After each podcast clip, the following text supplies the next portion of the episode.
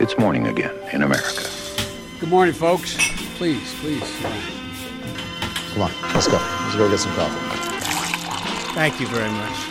Det er mandag 27. april. Biden-anklagers sak styrkes etter funn av gammelt TV-klipp, og morgenkaffen er servert. Ifølge flere medier vurderer Trump å erstatte helseminister Alex Azar, bl.a. pga. hans håndtering av koronakrisen.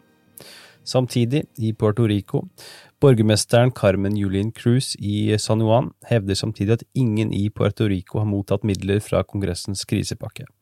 Puerto Rico, som ble amerikansk i 1898 og som er et commonwealth med utstrakt indre selvstyre, har blitt rammet hardt av naturkatastrofer de siste årene. Ifølge borgermester Cruz mangler det både støtte fra nasjonalt hold og kritisk infrastruktur på Puerto Rico. No Puerto Rico has received the $1,200 from the federal government. We are having problems with the local $500 that the governor For å gi en liten oppdatering på koronadødsfall i USA, så passerte de 55 000 søndag kveld. Dagens andre sak. Nye opplysninger har kommet fram om overgrepsanklagene mot eh, tidligere visepresident Joe Biden.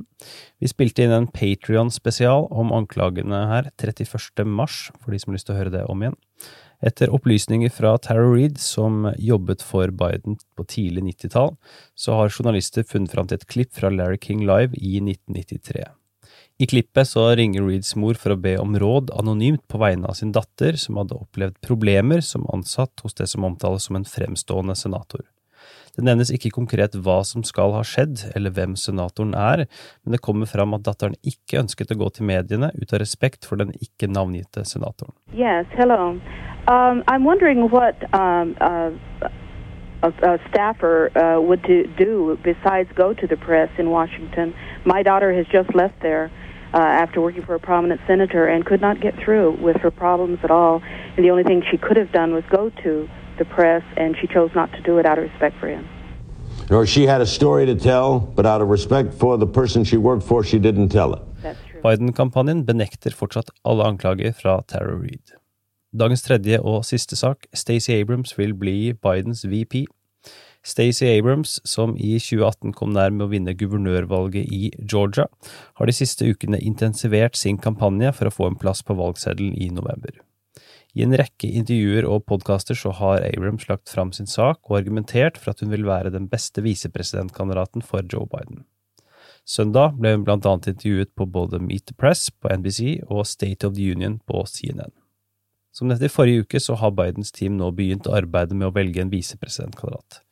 Mange forventer at Abrams er ett av navnene på listen over kandidatene som vurderes, og store navn i Det demokratiske partiet som Al Sharpton og Jim Clyburn har vært tydelige på at de forventer at Biden velger en svart kvinne som sin nummer to, og det pekes gjerne på Kamala Harris og Stacey Abrams som de mest naturlige valgene innenfor denne gruppen.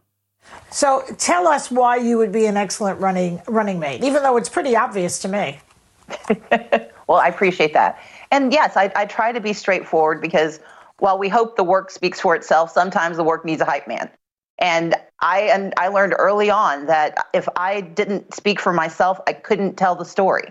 I've spent the last 25 years of my life in service, doing the work that I believe needs to be done. And whether I'm in elected office or doing it through a nonprofit or starting a small business to help other small businesses, I've done my best to be a person who understands the needs of our communities, but also looks for solutions and tries to build the platforms necessary to deliver.